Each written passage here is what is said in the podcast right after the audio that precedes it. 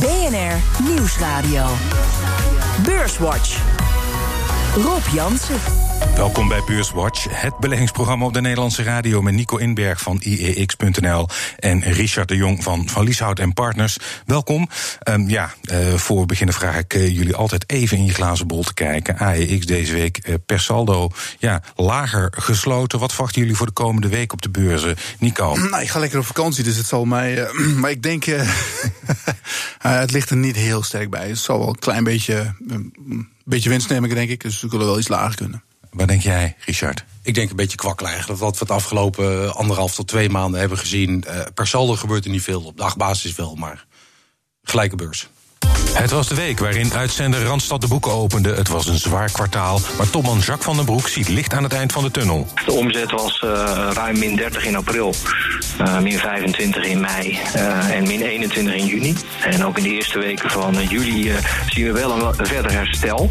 Dus dat is op zich hoopgevend. Ik vind het heel ingewikkeld om met deze omzetcijfers te zeggen dat we tevreden zijn. Maar we hebben ons als bedrijf wel knap doorheen geslagen. Ja. En Twitter is tevreden over de groei, niet van de omzet, maar het aantal gebruikers. CFO Ned Sigal. The big surge that we saw in March was able to hold all through the second quarter, meaning people continued to come to Twitter to find out what was happening in the world and what people were talking about, whether it was around COVID 19, where we had 150 million people come to our COVID 19 resources. Maar het was bovenal de week waarin de relatie tussen China en Amerika verslechterde. Speaking about China, the trade deal means less to me now than it did when I made it. When I made it, it was a great deal. But they're uh, they're setting records. Yesterday was a record corn day. They purchased more corn than any order ever, and that went on for two or three days, and uh, soybeans and all. But it just means much less to me. Can you understand that? Ja, de beurzen reageren sterk op toegenomen spanning tussen China en de VS. We hoorden Trump, maar het was eigenlijk vooral minister van Buitenlandse Zaken Pompeo die deze week olie op het vuur gooide met een oproep om China te wantrouwen. Chinese hackers zouden geprobeerd hebben Amerikaanse kennis over coronavaccins te stelen. Uh, Nico, ik heb ergens gelezen, dit is in potentie een groter probleem dan de coronacrisis. Ik weet het niet. Kijk, er wordt nu weer een hoop lawaai gemaakt over China en, Amerika en het. Uh, we gaan langzaam maar zeker toe naar de verkiezingen in Amerika. En Trump die, uh, die staat op achterstand. Hè? En, en, normaal gesproken wordt altijd gekeken naar de economie. Hoe is het met de economie? Nou, dat, hij staat nu natuurlijk. Het ging fantastisch vorig jaar, maar hij staat nu behoorlijk op achterstand. Dus hij moet een andere kaart spelen. En uh, ik denk dat hij, dat hij in aanloop daar naartoe. Dat hij meer zijn pijlen richt op het buitenland en op de Chinezen. En dat dat een beetje de, de, de teneur wordt de komende maanden. Denk jij dat ook, Richard? Ik ben het daar volledig mee eens. Ja, het ja, puur een afleidingsmanoeuvre van de binnenlandse problemen. Dat denk ik wel. Dan is de buitenlandpolitiek natuurlijk altijd uh, nummer één uh, wat je gaat toepassen. Uh, kijk, Trump die staat ongekend achterin in alle polls. zijn er niet één of twee, maar alle polls. En het is ook al heel lang. En precies wat Nico zegt, het enige wat hij absoluut voor zich had, was de economie. Uh, nu kan hij natuurlijk ook niks aan corona doen, maar wel in de manier hoe hij het, uh, hoe hij het aanpakt. Mm. Uh, maar ja, nu de economie in deuk krijgt, is ook dat weg. Dus wat probeer je dan te doen? De aandacht af te leiden. Ja. Mm. Hij heeft het ook niet heel goed aangepakt. Hè? Dus hij kan met die, die corona, kan die, ja, hij kan natuurlijk niks aan doen, maar hij had het wel iets anders aan kunnen pakken. Ze hebben het, met name Engeland en, en Amerika, hebben het behoorlijk onderschat. En mm. je ziet nu dat het daar nou, ook heel erg oploopt, aantallen. En dus dat kan ook nog in zijn gezicht ontploffen straks. Ja, uh, ja en alle pols loopt die achter. Uh, denk jij al stiekem na over president Biden, Richard? Ja, de markt is zeer zeker. En met name de Amerikaanse markt. Uh, kijk, ik geloof niet uh, dat de meeste Nederlandse beleggers daarmee bezig zijn. Maar Amerikaanse beleggers, als je op CNBC en dat soort programma's kijkt, zijn er volop mee bezig. Ja. En, en, traditioneel zegt men, uh, ja, een democrat is slecht nieuws voor de beurzen, want belasting omhoog en, uh, mm. en, dat soort zaken. En Trump was juist van de belastingverlagingen. Uh, maar ook daar zie je wel heel langzame kentering. Want ook Biden is best fel op, net zoals hele democraten, op, op China. Ja. en ook beleggers zijn het, ja, het gesteggel en het gedoe ook wel een beetje, een beetje zat. En willen ook rust en stabiliteit hebben. Ja, ja, en per saldo heeft volgens mij de beurs het ook goed gedaan onder Obama. Ja, ja zeker. Maar die begon natuurlijk in 2009. Ja. Toen, toen hij zei van nou, misschien zit het wel een goede tijd om wat aandelen op te pikken. Ja. Toen stonden, stonden we de AX onder de 200 volgens mij. Ja, dat heb je wel goed gezien. Maar ik, ik kan me. Uh, die, die Biden, ik vind het echt helemaal niks.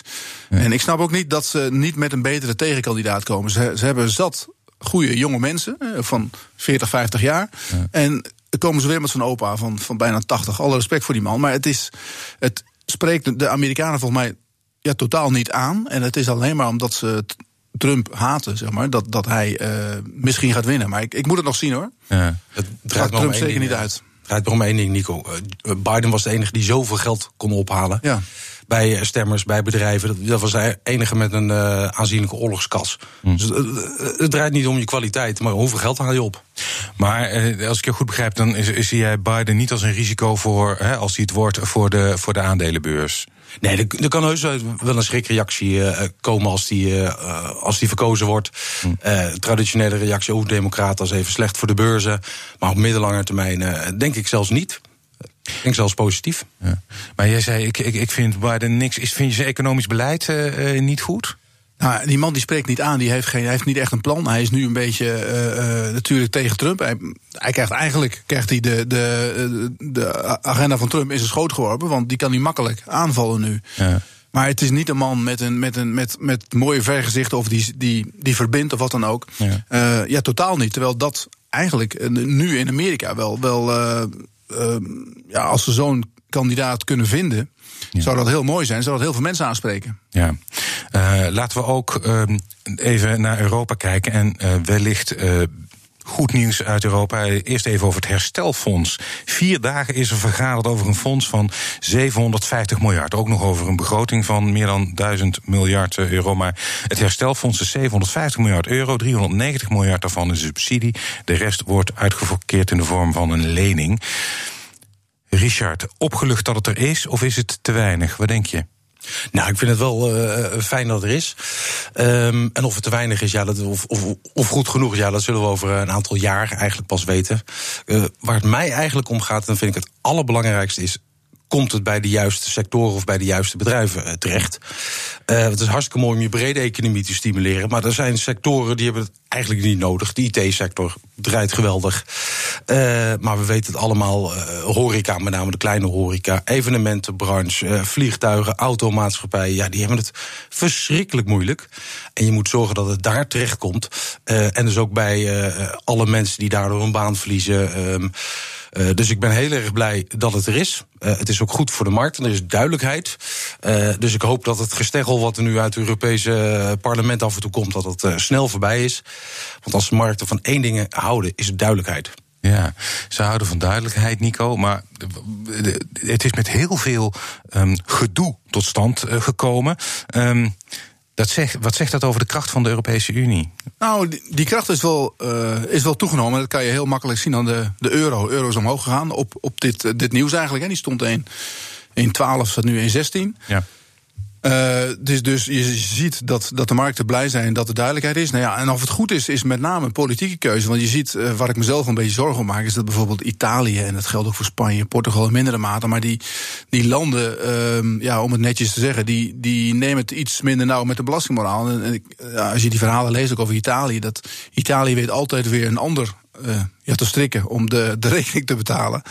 En ja, hoe dit Herman Kuiphoff zou zeggen, zijn we er toch weer ingetuind, want nu moeten wij, wij, wij mee betalen. Dus een, een, een hoop geld wat wordt uh, uh, ja, toegezegd als, als uh, ja, zijn de subsidies, ja. grants.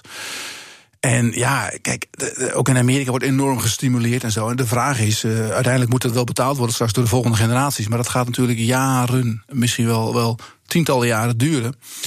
En uh, dat is, voor mij is dat een heilloze weg om al maar meer, meer, meer schulden te maken. Ja, maar goed, misschien blijft het hierbij. Want wie weet is de pot toereikend tot nu toe. Uh, dat zullen we afwachten. Ja. Het hangt natuurlijk over, komt er uh, straks weer een hele grote uh, COVID-19-golf aan... of blijft dat regionaal beperkt? Ja, dat moeten we echt afwachten. Nou, wat misschien wel een, een, een positief signaal is... vandaag waren de voorlopige inkoopmanagers indices bekend geworden... zogenaamde PMI-cijfers van Europa... Richard, je hebt ze uitgeprint. Ja, ja, moet ik er wel even bij zeggen. Je hebt twee uh, inkoopmanagers, index, twee instanties die dit meten. Dit is de market.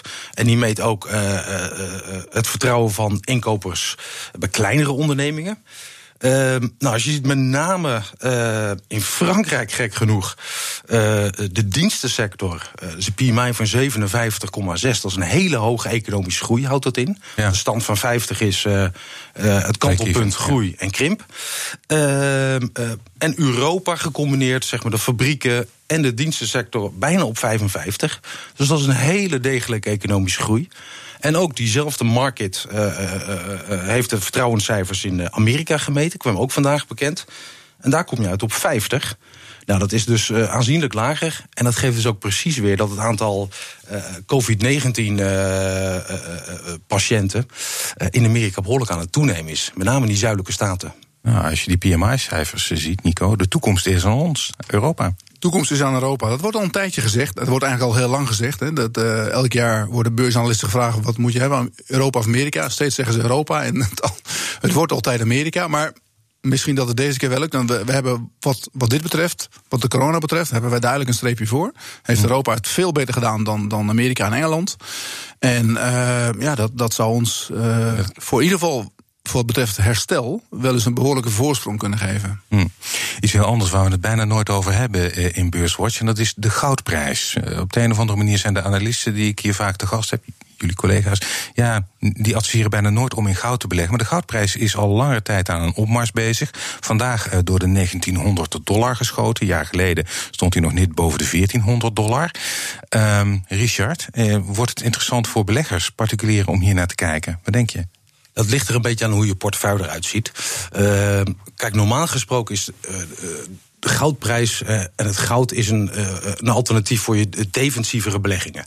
Dus als jij belegt in de, als Amerikaan bijvoorbeeld in staatsobligaties, nou de 10 rente is nu 0,6 procent. Dus vanaf dit niveau word je er niet veel wijzer van. Hm. Nou, dan is dus goud een heel mooi alternatief. Uh, en er komt bij, uh, dat moeten we niet vergeten, goud is gewoon een financieel product ook. Je, kunt, je koopt het, uh, niet letterlijk goud, maar wel afgeleiders daarvan, op de financiële markten. Nou, de afgelopen maanden is er voor uh, uh, duizenden en duizenden miljarden aan nieuw geld gecreëerd. Dus los van. Uh, Ingestroomd in die goud. nou, gewoon in de financiële ja, markten, waar goud dus een onderdeel ja, ja. van is. Dus je krijgt automatisch een extra vraag, wat je ook van de goud vindt. en nogmaals, met deze lage rente, met name in de VS, want hier in Europa is die al heel lang laag, begint goud voor steeds meer mensen die voor een defensieve stukje van de portefeuille interessant te worden. Nico. Er zijn een aantal aspecten inderdaad. Hè. De, bijvoorbeeld de goud-ETF. Uh, eh, ik heb die exacte cijfers niet in mijn hoofd, maar ik heb dat toevallig vorige week gepubliceerd bij EX. Daar zat een uh, enorme instroom in, in uh, juni. Dus ja, als er heel veel, heel veel vraag is naar goud, dan gaat die prijs omhoog. Dat is logisch. Je hebt te maken met een, met een, met een wegzakkende dollar van, van 3, 4 procent. Stuurt ook de goudprijs, want die is genoteerd in dollars. Maar toch, het, ik denk dat de, de, de, de grootste drijver voor goud en, en ook zilver, dat echt, echt een enorme inhaalslag heeft gemaakt, is gewoon de achterdocht jegens de, de, de, de politiek om, hmm. om steeds maar weer alles op te lossen met uh, extra geld, extra geld drukken. En dat gaat ooit, men denkt dat dat ooit een keer misgaat. En ja, we, zagen al in maart was het al kiele kiele, hè, toen men uh, de nieuwe maatregelen van de Fed eigenlijk niet vertrouwde. Dat de beurs eigenlijk omlaag ging terwijl de Fed enorm aan het stimuleren was. En uiteindelijk is dat goed gekomen, is het, is het weer bijgetrokken en heeft ja, de markt dat eigenlijk geaccepteerd en is ermee aan de haal gegaan. Maar uh, nu met dat EU-plan erbij, uh, weer zoveel geld in de markt wordt gepompt, ja, wordt men toch steeds zenuwachtiger. Ja, u luistert naar Beurswatch met Nico Inberg van IEX.nl en Richard de Jong van Van Lieshout Partners. Voor we verder gaan, maken we de balans op van de afgelopen week. De AEX die sloot vandaag op bijna 564 punten. Dat is 1,7% lager dan vorige week. Stijgers. Op 1. Unilever is de grootste stijger op weekbasis met een plus van 6,6 procent. Randstad kreeg er deze week 5,6 procent bij. En op 3 Philips met een plus van 2,7 procent. En in de midcap was het best presterende aandeel Signify met een plus van 10,7 procent. Dalers. Op 1. ABN AMRO met een min van 8,4 procent. Op 2 uitgever Relax verloor deze week 7,3 procent. En op 3 Galapagos met een min van 5,6 procent. En in de midcap was de grootste daler Grand Vision met een min van 5,1 procent. De AX is deze week drie van de vijf handelsdagen toch hoger gesloten. Ik wil even aftrappen met uh, Unilever. Het gebeurt niet vaak dat het de grootste weekstijger is. Het bedrijf kwam deze week met kwartaalcijfers. Um, waren beter dan beleggers hadden verwacht. Toen ik uh, topman Alan Job uh, een paar maanden geleden sprak, wilde hij nog niks zeggen over een mogelijke verkoop van de T-divisie. Maar die kogel is nu ook door de kerk. Richard, wat is voor jou groter nieuws? de cijfers die meevielen of de verkoop van de T-divisie? Oeh, dat is een lastige. Ehm, nou, eigenlijk uh, is het grootste nieuws. Uh, die omzetgroei, nou, die, die was een heel klein beetje negatief. Dus daar kon je nou niet heel erg enthousiast over worden. Uh, met name opvallend uh, was de winststijging. de omzetgroei, zullen we zeggen, was, was 0%. Klein minnetje. Ja. Met name door afdeling voeding.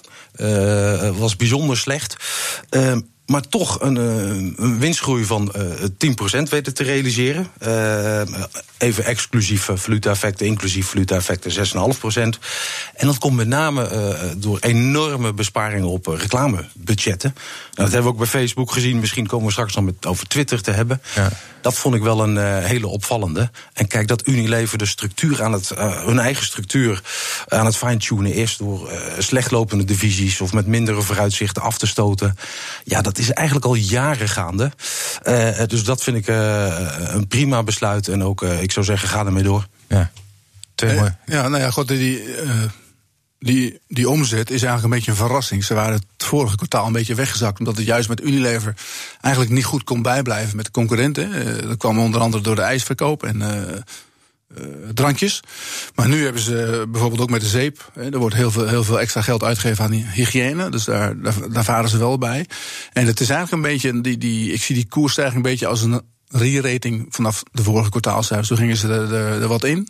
Hm. En uh, nu hebben ze eigenlijk wel laten zien dat ze toch wel, dat ze toch wel mee kunnen komen. En dat is uh, verdient iedereen fijn. En dat ze die televisie gaan verkopen, ja, dat levert geld op.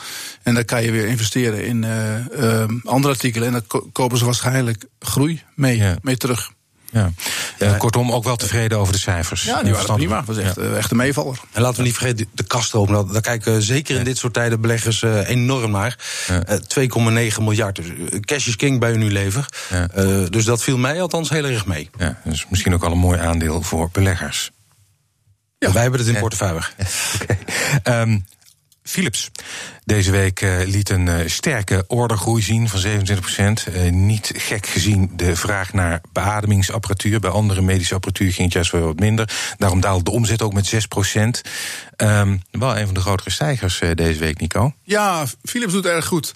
Ze hebben natuurlijk een beetje. Kijk, ze wilden die consumentenartikelen, een deel daarvan, dat, dat wilden ze verkopen voor de crisis. Nou, dat lukt nu natuurlijk niet. Hè. De, de, die markt is er even niet. Maar met de beademingsapparatuur hebben ze echt heel veel geld verdiend. Want leverde iets van 150 miljoen extra omzet op. Maar 100 miljoen extra winst. Dus daar hebben ze een hele mooie hefboom op. En dat heeft ervoor gezorgd dat die winst erg uh, ja, meeviel. En ze hebben een goed gevuld orderboek. Dus het, dat ziet er ook goed uit in de toekomst. En, en je ziet dat Philips uh, meer en meer wordt het healthcare. En healthcare wordt hoger gewaardeerd op de beurs. En uh, nou ja, dan kan je ook nog zeggen van in de toekomst wordt, wordt er natuurlijk veel meer geïnvesteerd in, in, in, in healthcare, in ziekenhuizen, in apparatuur. Dus die zitten echt op een, uh, die zitten op een mooie lijn. Ja. Is dit ook iets wat je in portefeuille hebt? ja, ik vrees, ik vrees er wel inderdaad. Uh, is geen kwaad woord over Philips van jou? Uh, nee, zeker niet. Nu ze de afgelopen jaren onder Van Houten heel die transitie hebben gemaakt. Eigenlijk gezondheid, onderneming. Uh, dus je ziet bij de COVID helaas, zou ik willen zeggen, hele mooie omzetten vanwege die bademsapparatuur. andere twee uh, onderdelen of uh, afdelingen eigenlijk uh, van Philips waren wel slecht qua omzet, moet ik er wel bij zeggen. diagnose min 9% en persoonlijke gezondheidszorg min 19 procent. Maar eigenlijk ja, op korte termijn met COVID goede vooruitzichten, zeker van die ene afdeling. en de lange termijn vooruitzicht, ja, de wereldbevolking wordt ouder, wordt rijker. Dus er gaat meer geld naar gezondheidszorg. We blijven langer thuis wonen met z'n allen. Dus die lange termijn vooruitzichten voor een lange termijn belegger hartstikke een mooi aandeel. Ja, uh, dat. Uh, kan ik me voorstellen. En er komt waarschijnlijk misschien ook nog wel een, een inhaalslag in die andere medische apparaten. Wat me ook opviel is dat hij niet echt de bel zit in zijn, in zijn verwachtingen voor de rest van het jaar. Als ik het goed heb gelezen. nee, hij had, had, had, gezegd, had, gezegd volgens mij dat de winst zou, zou het einde van het jaar hoger uitkomen dan afgelopen jaar. En de, ik dacht de omzet ook. Dus ze, ze verwachten wel een sterk tweede half jaar. Omdat, maar dat komt omdat een heel sterk orderboek. En omdat ze bij de, de. Kijk, die ziekenhuizen die hebben heel veel aandacht gegeven aan de corona. En heel veel andere dingen zijn uitgesteld. En daar komt nu een soort inhaalslag. Ja. En, en uh, bedoel, ze hebben heel veel andere ja, medische apparatuur, met name bij die uh, uh, diagnoseapparatuur. En dat wordt nu waarschijnlijk versneld. Of dat, dat gaat nu komen. Ja. Um, naar het buitenland, uh, Twitter. Uh, we hoorden al de CFO eerder in de uitzending. Enorm veel nieuwe gebruikers geregistreerd. Omzet minder goed, omdat adverteerders het laten afweten. Um, Richard, heb jij daarnaar gekeken? Ja, we hebben naar gekeken. Ik zal het er maar meteen bij zeggen. dit aandeel zat niet in de portefeuille. Nee. Ik vond de omzetcijfers echt niet goed. Uh, koers reageerde wel positief op hoor. Mm. Uh, met name die advertentieinkomsten, waar we toen straks ook met een Unilever over hadden. Daar heeft een Twitter echt last van. Uh, dat is niet alleen van Unilever, maar dat doen alle wereldwijde spelers besteden minder aan reclame. ook de netto winst was, was gewoon negatief. het enige positieve is, en daar kijkt de beurs naar, het aantal dagelijkse gebruikers van Twitter. Ja, die nam met 34% toe naar 186 miljoen mensen. Ja, dat is natuurlijk geweldig. En dus is de gedachte van beleggers, ja, als die advertentieinkomsten straks weer uh, toenemen, als de Unilevers van deze wereld weer geld gaan uitgeven, ja, zij hebben meer gebruikers. Dus gaat daar dus een, eh, een groter gedeelte naartoe. Hm. ze willen, uh, geloof ik, Nico, wat minder afhankelijk worden van die advertentieinkomsten. Dus ze gaan nadenken over een abonnementsmodel. Misschien wordt dat nog wel. Uh, ja, nou, ik, ik vind het best een, een goed medium. Bijvoorbeeld in onze business, op de beurs. Er zitten heel veel uh, mensen die geïnteresseerd zijn in de beurs. Ja. Die, die zitten op Twitter. Nou, daar kan je best een, een soort uh, businessmodel op loslaten. Dat je die, die mensen kunt, uh, ja, kunt bereiken. Je kan heel gericht adverteren. Maar het, kijk, plaatje bij Twitter is eigenlijk overal, overal hetzelfde. Iedereen is op zoek naar informatie, naar nieuws. Dus de, de, de, de aantallen zie je ook op Facebook, bij Netflix, noem maar op allemaal. Iedereen zit, zit thuis en is op zoek naar, naar informatie en gaat op social media. En uh, tegelijkertijd gaan de bedrijven, die zitten alle uh, advertenties stop. Um, dus dat, dat, als dat straks is uitgekristalliseerd, dan uh, nou, moet je verwachten dat die advertenties weer op niveau komen. Dan hebben ze wel een veel bredere basis. En dat is een beetje de fantasie die erachter zit. Maar er zit wel goed, veel goed nieuws in geprijsd, hoor. Okay. Kijk naar de koerswinstverhouding van 73. Verwachte ja. koerswinstverhouding. Zo ken ik er nog wel een paar. Ja, maar dit is wel uh, bij een bedrijf wat dan even ja. in ieder geval dit kwartaal gewoon een omzetdaling heeft. Ja. Van de social media bedrijven niet jouw uh, favoriet, hoor ik. Twitter niet. Twitter nee. niet. Hoop uh, techbedrijven wel, maar deze niet. We zijn al bijna aan het eind van de uitzending. En dat betekent dat het tijd is uh, voor de tip. Jullie mogen een tip geven. Nou ja, laat ik even bij jou blijven. Richard, wat is jouw tip voor de luisteraar? Uh, nou, als we dan toch over uh, tip hebben. Ik heb erover na zitten denken wat, uh, wat er nou een mooie tip voor beleggen zou kunnen zijn. En ik zat eigenlijk te denken, wat is nou het eerste aandeel, of een van de eerste aandelen dat ik voor mijn klanten, voor nieuwe klanten koop? Dat is het aandeel Microsoft. Ook met cijfers gekomen. Ja. Ook met cijfers gekomen, 13% omzetgroei. En dan wel vanaf een heel hoog niveau. kijk, in mijn ogen, Microsoft is aan de ene kant een super defensieve waarde.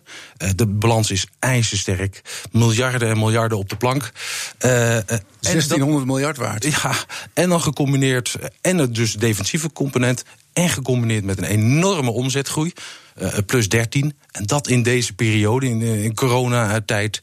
Hm. Uh, uh, het Microsoft Teams, waar ik persoonlijk anderhalf jaar geleden nog nooit van gehoord had.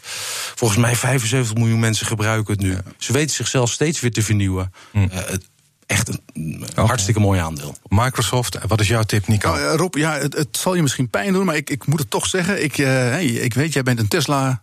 Uh, ja, belegger. Nou ja, ja, het zit in de maar ik vind, ik vind Tesla is, is uh, waanzinnig overgewaardeerd. En ik denk toch dat we naar de shortkant moeten kijken. Om ja. daar eens een keer wat, wat, uh, wat winst te gaan nemen. En het kan, kijk, het zit heel, het aandeel zit heel raar in elkaar. Er zit, er zit al redelijk wat short in. Ze komen in de S&P waarschijnlijk. Dus er zat heel veel fantasie in. Maar ik denk dat zo, langzamerhand toch een beetje het gezonde verstand terugkeert. En dat het terug moet naar een koers, in ieder geval onder de 1000 dollar. En er staat nu geloof ik 14, 1500. Ja, komt van 1800 en, en dat, is, dat is waanzin. Oké, okay, Tesla waanzin. Dus uh, vooral uh, Tesla short. of blijf er vooral in zitten als je... we, gaan, het zien. Uh, weg uit Tesla en koop Microsoft. Um, hartelijk dank, Nico Inberg van IEX.nl en Richard de Jong van Van Lieshout en Partners. Dit was Beurswatch. Als u wilt reageren, dan kunt u een mail sturen naar beurswatch.bnr.nl of tweeten naar Rob. Terugluisteren kan via de site, de BNR-app, Apple Podcast-app of Spotify. En graag tot volgende week.